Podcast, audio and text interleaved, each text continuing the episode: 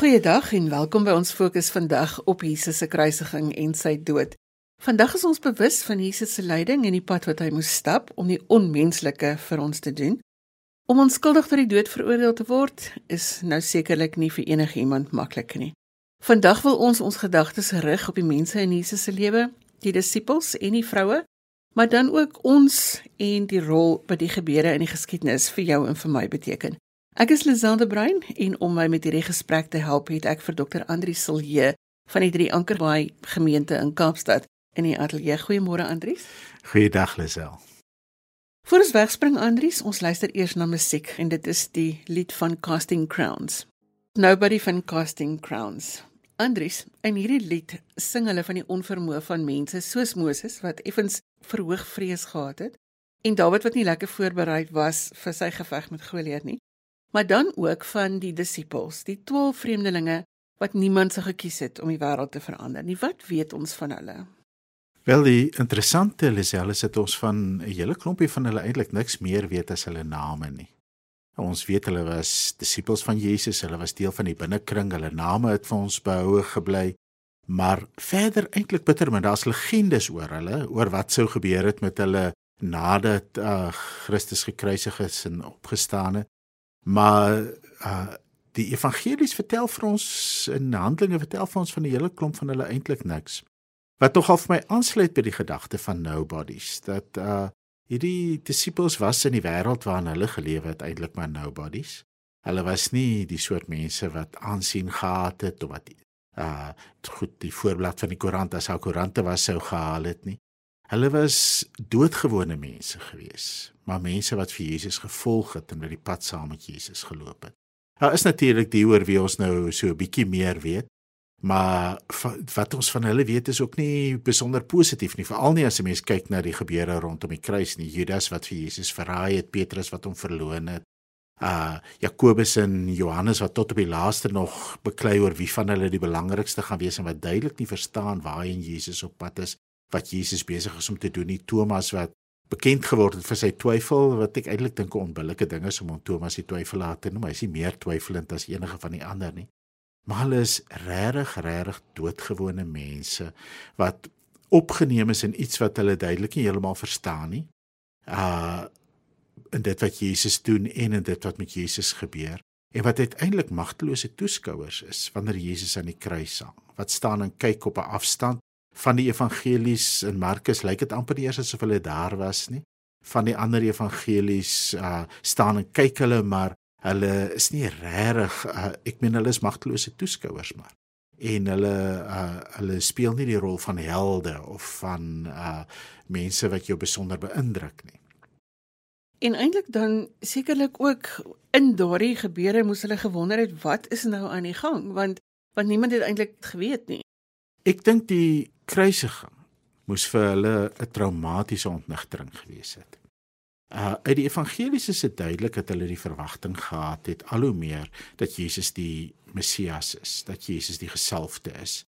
Jesus vra op die punt op 'n punt vir sy disippels wie sê julle is ek en dan sê Petrus eintlik namens hulle almal u is die Christus, dis die Griekse woord vir Messias. En hulle het waarskynlik allerlei wonderlike drome gehad rondom die Messias en rondom hoe die Messias van hulle iemand sal maak. Ek dink dis waaroor die konflik tussen Jakobus en Johannes ook gaan. Is as hulle nou iemand word, as hulle uit hierdie gewone nobody lewe uit opgetel word deur Jesus en hulle word iemand en Jesus is nou nommer 1 natuurlik hy's die een wat as die Messias op die troon gaan sit maar wie van hulle gaan 'n ereplek hê? Wie gaan links sit? Wie gaan regs sit? Wie gaan die naaste aan Jesus sit? Wie gaan die binnekring wees? Uh En ek dink dis doeteenvoudig menslik, die begeerte van elke mens om iemand te wees. Om nie net iemand te wees in jou eie oë nie, maar om iemand te wees in die oë van die wêreld. Om iemand gemaak te word. Om jouself te gee vir 'n saak wat betekenis aan jou lewe sal gee en wat hopelik vir jou sal namaak. Ek dink dit is doeteenvoudig menslik. Ek lees nou 'n boek van Adam Phillips. Hy's 'n uh, sielkundige, ek dink nie 'n gelowige nie, eintlik 'n psigiater, professor in psigiatrie. Maar hy sê in die begin van die boek dat uh, almal van ons word grootgemaak deur ons ouers hopelik om te glo dat ons spesiaal is. En dan gaan ons in 'n wêreld in wat vir ons sê ons is nie spesiaal nie. En wat eintlik hierdie gevoel van ek is spesiaal keer op keer weer spreek en hy sê daarom lewe ons amper hierdie dubbele lewe, die gewone lewe waarin ons lewe aan ek eintlik maar 'n nobody is die meeste van ons. Uh en die lewe waarin ons droom hoe ons alles kan regkry, hoe ek die beste jy kan wees of die beste ek kan wees. Dis mos nou wat ons deesdae sê jy moet die beste jy wees wat jy kan wees en so in ons droom hierdie goed. Maar ons hoe sal ons nou ooit weet of hy drome waar word? Hoe sal ons nou ooit weet of ek nou regtig die beste ek is wat ek kan wees. Dalk is daar nog 'n beter weergawe of 'n beter weergawe ons is gefrustreerd, ons is ontevrede. En ek dink al hierdie goed speel maar in die disippels se se lewe ook 'n rol dat hulle uit hulle gewone bestaan opgelig is en dat hulle Jesus gevolg het en hulle het geglo hulle is op pad boontoe agter Jesus aan en dan val goed skielik uitmekaar. En dan skielik staan hulle as 'n klomp magtelose nobodies en die somebodies van hulle wêreld uh, Caiaphas, Herodes, Antipas, uh, Pontius Pilatus, die die mense met naam. Die is besig om die boetoon te kry. Die is besig om die nuus te bepaal as dit waar om die hoofopskrif van die dag te skryf. En Jesus verloor. Daar kan ons ja later miskien praat oor wat met Jesus gebeur, maar dit beteken dat hulle drome val uitmekaar uit. Ons gaan nou ook nog so 'n bietjie meer oor die geloofsleiers praat.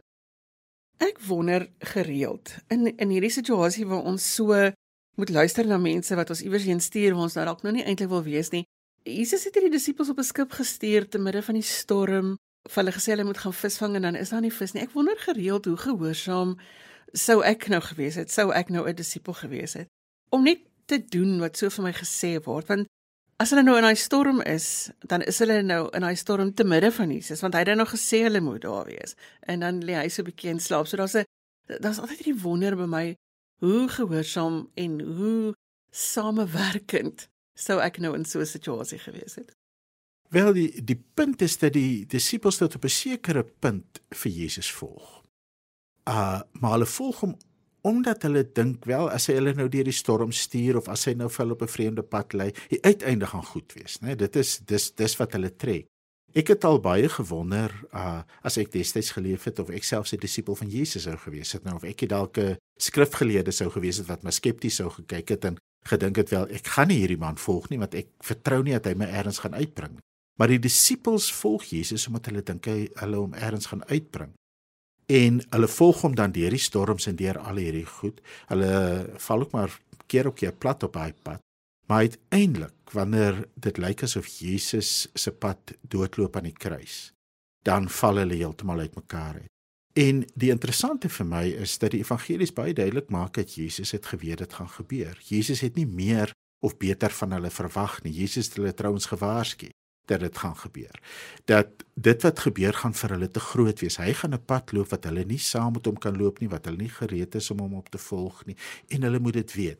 Ek dink baie keer ons gee 'n bietjie te hoog op. Jy weet as, as ons praat, miskien juis om ons spesiaal te laat voel in 'n wêreld wat ons laat voel ons is nie spesiaal nie praat ons van God het 'n plan met jou lewe en jy moet daai plan kry en jy moet daai doel nastreef en jy moet al hierdie goeders doen. So asof ons altyd presies verstaan waarheen Christus met ons op pad is en ek dink die Golgotha oomblikke. Of as jy so 'n bietjie verder dink as ons dink aan die Saterdag, daai Saterdag oomblik wat Jesus in die graf lê en jy weet miskien so in jou agterkop het gesê gaan opstaan maar ek meen wie het nou ooit al dit gesien gebeur. So nou is jy op daai Saterdag oomblik jy kruip hier weg. Een van julle Judas is nie meer daar nie want hy het vir Jesus verraai. Die ander een sit daar met 'n rooi gesig want hy het vir Jesus verloon.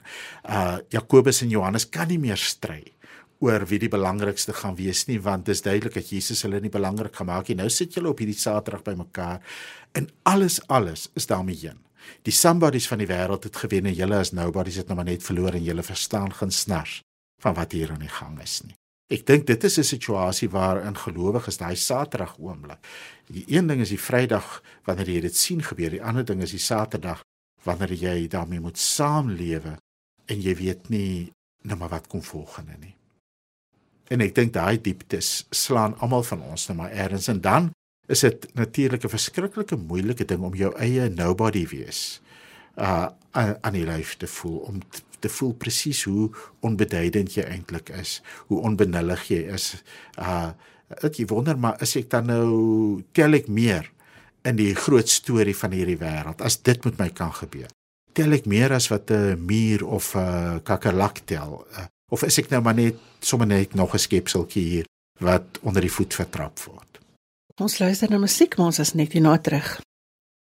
Die disippels was nou nie al mense wat soort van onbeholpe was nie. Dit voel vir my eintlik in hierdie scenario waar Jesus gekruisig word, uh was almal onbeholpe, selfs die vroue in Jesus se lewe. Wel, is ons by die donker grenskant van die lewe kom, is ons almal onbeholpe magteloos. Ons weet nie wat om te doen nie, ons weet nie wat om vir mekaar te sê nie. Ons weet nie wat gesê kan word nie, ons weet nie hoe ons hierdeur gaan kom nie.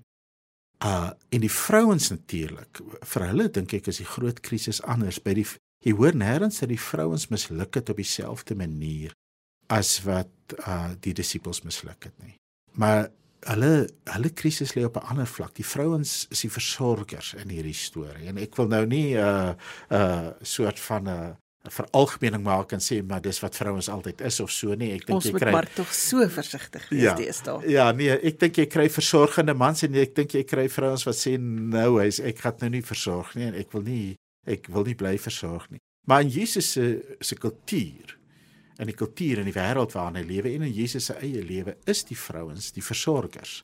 Uh en hulle het vir Jesus versorg. Nou as jy net dink 'n ma wat staan en kyk as jy dink aan uh, Maria die moeder van Jesus. Wat staan en kyk na hierdie seun wat sy versorg het, wat sy ook dikwels nie verstaan het nie, wat sy nie mooi geweet het wat die pad is wat sy loop nie, maar hier staan sy huis aan die kruis vasgespijker en sy kan niks doen om te sorg nie. Ek dink dis een van die moeilikste goed wat die dood aan 'n mens doen uh, as iemand vir wie jy gesorg het dood is en nou is jou hande leeg. Nou kan jy nie meer sorg nie. Nou kan jy nie meer uh uh, uh die sweet van die voorkop afvee. Jy kan nie meer iets gee om te drink nie. Jy kan nie meer sorg nie. Nou hulle staan en hulle kyk hoe Jesus ly en hulle kyk hoe die mense rondom spot, maar hulle kan nie in daai situasie sorg nie. Hulle is magteloos. En ek dink dit is 'n moeilike ding veral as 'n mens dalk jou somebody wees vind of jy nou 'n man of vrou is, maar as jy jou menswees vind daarin dat jy iets vir iemand beteken. Dis tog maar by baie van ons waar. Dat ons vir mense sorg juis omdat dit vir my voel dit gee betekenis aan my lewe. Dit maak iemand van my. Dit uh dit maak daarom dat ek raak gesien word en so 'n baie keer dan is ons as ons versorgend is en mense sien dit nie raak nie. En mense gee nie erkenning, is ons gefrustreerd, ons is kwaad. Want dit is vir ons belangrik. Ons wil raak gesien word, ons wil erkenning kry. Maar die moeilikste ding wat 'n mens moet 'n mens kan gebeur is as jy jou lewensbetekenis vind daaraan om sorgend te lewe om vir ander te sorg en skielik kyk jy na iemand en jy kan nie sorg nie hy is buite bereik van jou sorg. Uh so vir die disippels is dit miskien hulle drome van iemand wees deur in 'n ereposisie kom. Vir die vrouens is dit miskien hulle hulle versorgende rol wat skielik is hulle hande afgekap en hulle kan nie sorg nie. Hulle kan net kyk en ek dink dit is 'n verskriklike magtelose ding want dit gooi jou weer terug in daai ding maar as ek nie kan sorg nie wie is ek nou en ek het al daai ervaring gehad sê nou maar met iemand wat 'n uh, uh, pad geloop het 'n uh, uh, vrou wat haar man versorg uh, terwyl hy op die siekbed gelê het. Of kom ons ruil dit om. Die 'n uh, vrou wat op haar siekbed lê 'n man wat wat versorg en so aan. En dan gaan sy dood en skielik is daai een wat ek versorg het nie meer daar nie en wonder ek maar waarvoor is ek nog hier? Wat is nou nog die sin van my lewe? En ek dink dit is miskien iets van wat die vrouens kon belewe het rondom die kruis van hierdie hierdie uh identiteit as versorger wat eenvoudig net nie meer daar is nie. Andries ons praat nou oor die vroue in die algemeen, maar ek dink daar was dalk seker een vrou wat anders of meer dinge moes gevoel het as die res van hulle en dit was Jesus se ma. Want ek dink vir 'n ma moet dit seker mos nou die moeilikste ding wees om te sien dat daar hierdie mense met gesag is wat hierdie ding aan jou kind doen. Ja. Er is nie vir nie dat daar in die Christelike tradisie van Maria gepraat word as die uh, moeder van smarte, die Mater Dolorosa nie. Sy sy is die moeder van smarte. En uh, in die evangelie van Johannes word sy dan geteken as hierdie vrou wat uh, by die kruis staan en wat toe kyk. En dan sê Jesus op 'n punt vir haar waar sy by Johannes staan vrou, daar's jou seun en sy sê vir Johannes, daar's jou moeder. En dis altyd vir my 'n ontroerende oomblik dat Jesus in daai oomblik van verskriklike lyding kan dink aan sy ma, kan dink aan sy seun nou. Hoe Maria dit ervaar het, weet 'n mens natuurlik nie. Ek het 'n goeie idee dat as ek daar gestaan het sê net maar as pa en my kind het vir my gesê hoorie maar hier langs jou ek is gaan nou nie meer jou kind wees nie hier langs jou staan jou kind so ek dalk gedink het maar ek wil nie hierdie ou hier langs my hê nie ek wil jou hê jy's my kind uh maar Maria moet laat gaan. Maar terselfdertyd ontvang sy ook. Terselfdertyd ontvang sy 'n nuwe verhouding met Johannes ontvang sy uh 'n nuwe soort ma wees en ontvang Johannes dan 'n nuwe soort seun wees en hulle word vir mekaar verantwoordelik gemaak. Ontstaan 'n nuwe soort huisgesin. En miskien met die mense op die agtergrond daarvan iets sien van die uh Genesis 3 verhaal nê waar ja vir die vrou gesê het jy sal moet pyn. Sal jy kind in die wêreld bring dit gaan vir jou pynlike saak wees wat Maria ervaar die pyn nie net van 'n kind in die wêreld bring nie maar die pyn van verskriklike pyn van 'n kind uit die wêreld laat gaan maar daar word gesê dat daar miskien 'n nuwe manier is waarop twee mense deur Christus aan mekaar verbind kan word. Deur dit wat Christus besig is om te doen aan mekaar verbind kan word, dat hulle vir mekaar gegee kan word as as ma en kind. Nou, uh as ek daarna verder dink, dan dink ek dat dit beteken met ander woorde as ek wil terugkom na die versorgingsgedagte, dat ek hoef nie 'n biologiese ma te wees om 'n versorger te wees nie. Ek kan dalk self nie 'n eie kind hê nie. Ek kan 'n man wees. Ek kan 'n uh, 'n uh, 'n doodgewone mens wees, maar ek kan ontvang dat Christus vir my mense gee om voor te sorg. Die ander ding is ek kan ontvang dat Christus vir my mense gee wat vir my sorg en ek dink dit is miskien baie keer uh vir volwassenes 'n moeilike ding te ontvang om te besef maar soms moet ek ook versorg word. Soms is ek die een wat versorging nodig het en dan gee die Here in genade terwyl hy self hierdie lydenspad loop, gee hy vir my iemand wat vir my kan sorg. Uh, en ek dink die sorg hier is wederzijds Maria en Johannes word 'n geene verhouding waar hulle op verskillende maniere vir mekaar kan sorg. Maar dit dat dit nie meer 'n kwessie is van 'n biologiese ding wat die deurslag gee of van 'n pynlike proses wat die deurslag gee nie, maar hierdie ding dat God gee ons vir mekaar om vir mekaar te sorg. En almal van ons kan versorgers wees, maar almal van ons het ook sorg nodig. So aan die een kant kom jy uh as jy dink aan die manlike disippels, kom jy by hierdie punt waar Johannes se droom uitmekaar val. Hy gaan nie in nommer 1 posisie wees nie, maar hy kan 'n versorger wees vir Maria as haar seun dood is. Jy kry die vrouens wat se hande afgekap is, hulle kan nie meer versorgers wees nie, maar Maria kan 'n versorger wees vir Johannes. En sy kan ook versorg word. So daar kom 'n soort van 'n nuwe gemeenskap dink ek tot stand waar dit nie gaan oor hoe belangrik ons is nie maar hoe ons mekaar se voete kan was en die belangrike ding is dan mekaar nie manne dat die vrouens ma, uh, manne se voete was of die manne se vroue se voete nie maar dat ons mekaar se voete was en wederwysige versorging. Dis 'n belangrike ding wat jy sê wat onderstreep moet word. Ek hoor so gereeld en op my ouderdom is dit die gesprekke wat ons nou het waar kinders hulle ouers moet versorg en ouers wat sê maar hulle het nie daai versorging nodig nie. Maar intussen het hulle en hulle hulle ontneem hulle kinders eintlik dan daai voorreg om daai versorger rol dan in te neem. So dis nog 'n belangrike ding wat ek deesdae hoor, moenie teestaan as jy gehelp moet word nie. Ja.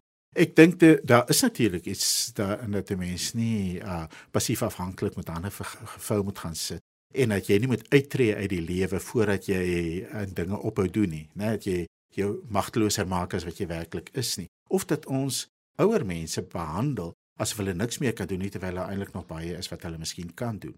Maar ek het eendag gelees dat iemand gesê het en ek kan nou nie onthou wie die persoon was nie, maar hy gesê hierdie ding wat ons sê ek wil nie 'n las op my kinders wees nie, is eintlik heeltemal verkeerd.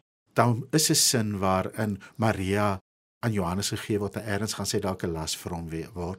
Maar dit is wat die Here vir haar gee en Johannes moet dit ontvang. Daar is 'n sin waarin ons vir mekaar gegee word om mekaar ook te help dra. En waarin ek bereid moet wees om as ek myself nie kan dra nie om gedra te word. Kom ons haal 'n oomblik asem. Ons luister na musiek, maar ons is net hierna terug. Andries, as ons nou praat van onbeholpe en dit is seker maklik vir ons om te sê want ons kan terugskouend hierna kyk. Maar ons kan dan seker nie die godsdienstleiers ignoreer nie. Die manne wat die kruisgebeure gedryf het.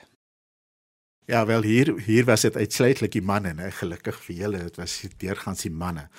Die godsdienstleiers en natuurlik die politieke leiers moet jy ook nie weggooi nie. Wat om verskillende redes besluit het ons moet van Jesus ontslaa raak. Uh, hulle probleem natuurlik as ons nou weer kan terugkom na die nobody and somebody. Is juist dat Jesus besig was om 'n somebody te word en dat hulle nie gehou het van wat hy sê nie en dat hulle nie gehou het van wie hy is nie. So hulle besluit ons moet van Jesus ontslaa raak. En uh ek weet nie of 'n mens kan sê hulle is onbeholpe nie. Ek dink hulle is op die verkeerde pad.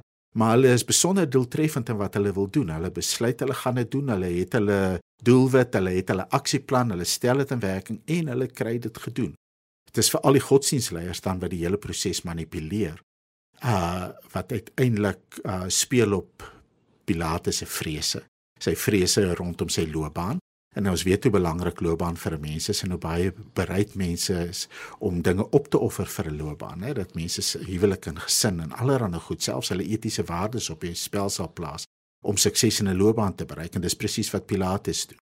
Terwyl hy van sukses, terwyl hy van sy posisie, terwyl hy daarvan om somebody te wees en te bly, is hy bereid om vir Jesus op te offer. Wie is Jesus nou afterall? Jesus is nou maar hierdie ou wat maak as wie 'n koning is, maar wat in Pilatus se oë tog nie 'n koning kan wees nie.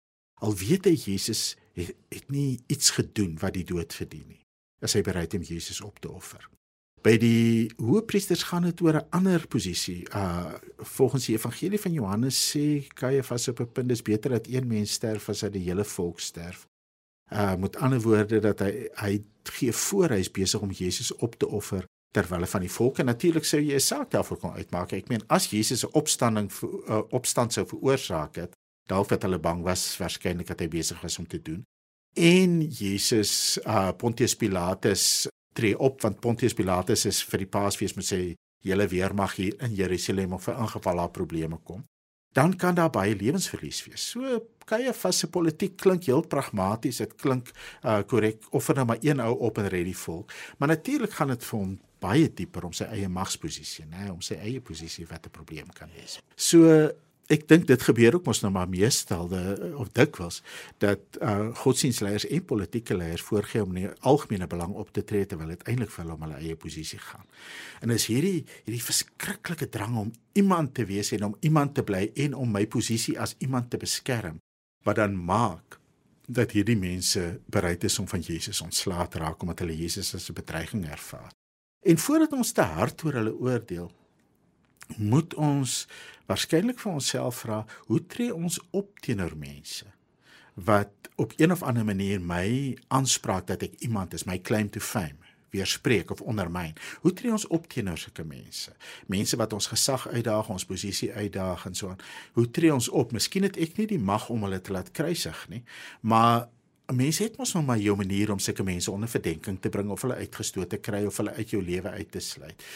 En dit is hoekom ek sê ek altyd hierdie onrus het. Sou ons nie ook maar met Jesus gedoen het op een of ander manier wat die godsdienstleiers en die politieke leiers met hom gedoen het nie as hy ons gesag bedreig, as hy ons posisie bedreig, sou ons nie presies opgetree het soos hulle opgetree het nie.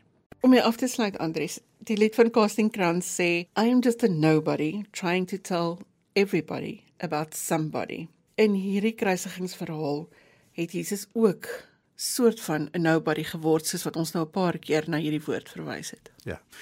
Wel Jesus is 'n nobody gemaak in die oë van die wêreld. Hy is soos behandel soos 'n nobody. Trouwens die kruisiging as straf is deur die Romeine gebruik spesifiek om iemand wat uit die lae klas uit wat homself te veel eh, verbeel soos 'n slaaf wat in opstand kom of so om so iemand tot in die grond in verneder. So is nie net vir hulle genoeg om hom dood te maak, hulle moet hom van sy eer beroof. Hulle moet hom blootstel. Hulle moet hom tot in die grond verneder met die gedagte dat as ander mense dit sien gebeur, dan gaan hulle sê maar hierdie ou is 'n nobody, hy's 'n mislukking en ons ons kan nie langer uh so iemand volg nie. En dis presies wat hulle met Jesus doen. Jesus was besig om 'n somebody te word. Hy was besig om 'n bedreiging te wees vir die Romeine en vir die godsdienstleiers. En dan besluit hulle kom ons stroop hom van daai somebody wees. Ons stroop hom van sy ondersteuning, ons stroop hom van sy eer. Ons maak van hom 'n spotkoning met die doringkroon en die mantel. Ons hang hom uiteindelik kaal aan die kruis op sodat hy kaal daar hang met niks sodat hy in die oë van die wêreld 'n niemand is, 'n nobody is en hy word dan soos 'n nobody, hy sterf soos 'n nobody. En dan dink hulle dis die einde van die storie. Wie sal nou nog vir Jesus wil volg?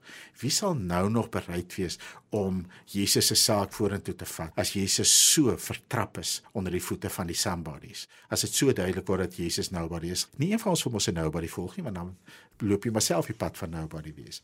En die opstanding sê dan dat God sê dat Jesus nie net vir hom somebody is nie, maar dat Jesus die hoeksteen is, dat Jesus die een is op wie hy sy hele toekoms gaan bou, dat Jesus die begin van die nuwe skepping is, dat Jesus die begin van die nuwe menswees is. En dat ons dus uiteindelik geroep word om Jesus te volg. En dat die belangrike ding wat ons leer is dat navolging van Jesus beteken ek volg nie vir Jesus na in die hoop dat hy van my 'n somebody gaan maak nie. Daarom hou ek nogal van die lied I'm just a nobody telling everybody about somebody. Ons is die mense wat getuig van Jesus. En miskien langs die pad word ek so 'n bietjie van 'n somebody, maar dis ook maar net vir 'n oomblik. Miskien bly ek nou maar 'n nobody soos die meeste van ons. Die belangrike is dat ons getrou is. Die belangrike is nie dat ons vir onsself naam maak nie, maar dat ons getrou is daarin om die naam van Jesus uit te dra. Die belangrike daarvan is dalk ook seker dat jy nie jouself moet onderskat nie al is jy 'n nobody. Ja, ek ek ek dink dit dit sê vir ons uh en miskien drie goeters. Die eerste is sou ek sê dat ons uh dat ons in Christus tog sien in God se oë is ons somebody. Ons is geliefd. Ons is so geliefd dat hy sy seun gegee het. En miskien is dit belangriker om geliefd te wees en om te weet dat jy geliefd is as om vir jouself 'n naam te maak in die wêreld. Ek dink dis die eerste ding wat dit vir ons sê.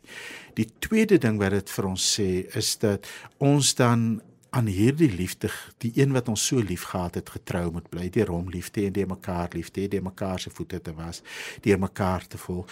En dat dit ons in 'n sekere sin onverskillig moet maak oor die vraag of ons nobody of somebody is. Ons is somebody in God se oë. Uh op 'n wonderlikste manier wat ons kan wees. Ons is somebody vir wie Jesus ons lewe ge gegee het. En dit beteken dat as ek in die oë van die wêreld dalk somebody word, dat ek dan vir myself kan sê wel dit is die belangrikste nie. Ek gaan dit weer verloor. Dit gaan verbygaan. Dit gaan altyd verby. Uh eers val val dit maar weer uitmekaar uit. Maar wat belangrik is is dat ek by God iemand is. Die laaste ding wat ek wou sê hieruit is dat ek dan ook so na ander mense moet kyk. As ek so na myself kyk, dan moet ek so na jou kyk, dan moet ek so kyk na die ou wat ek op straat sien, dan moet ek so kyk na die mense wat regtig in die oë van die wêreld nobodies is. En ek moet sê, maar wie jy wat omdat jy in God se oë en in Jesus se oë somebody is, gaan ek jou soos 'n somebody behandel.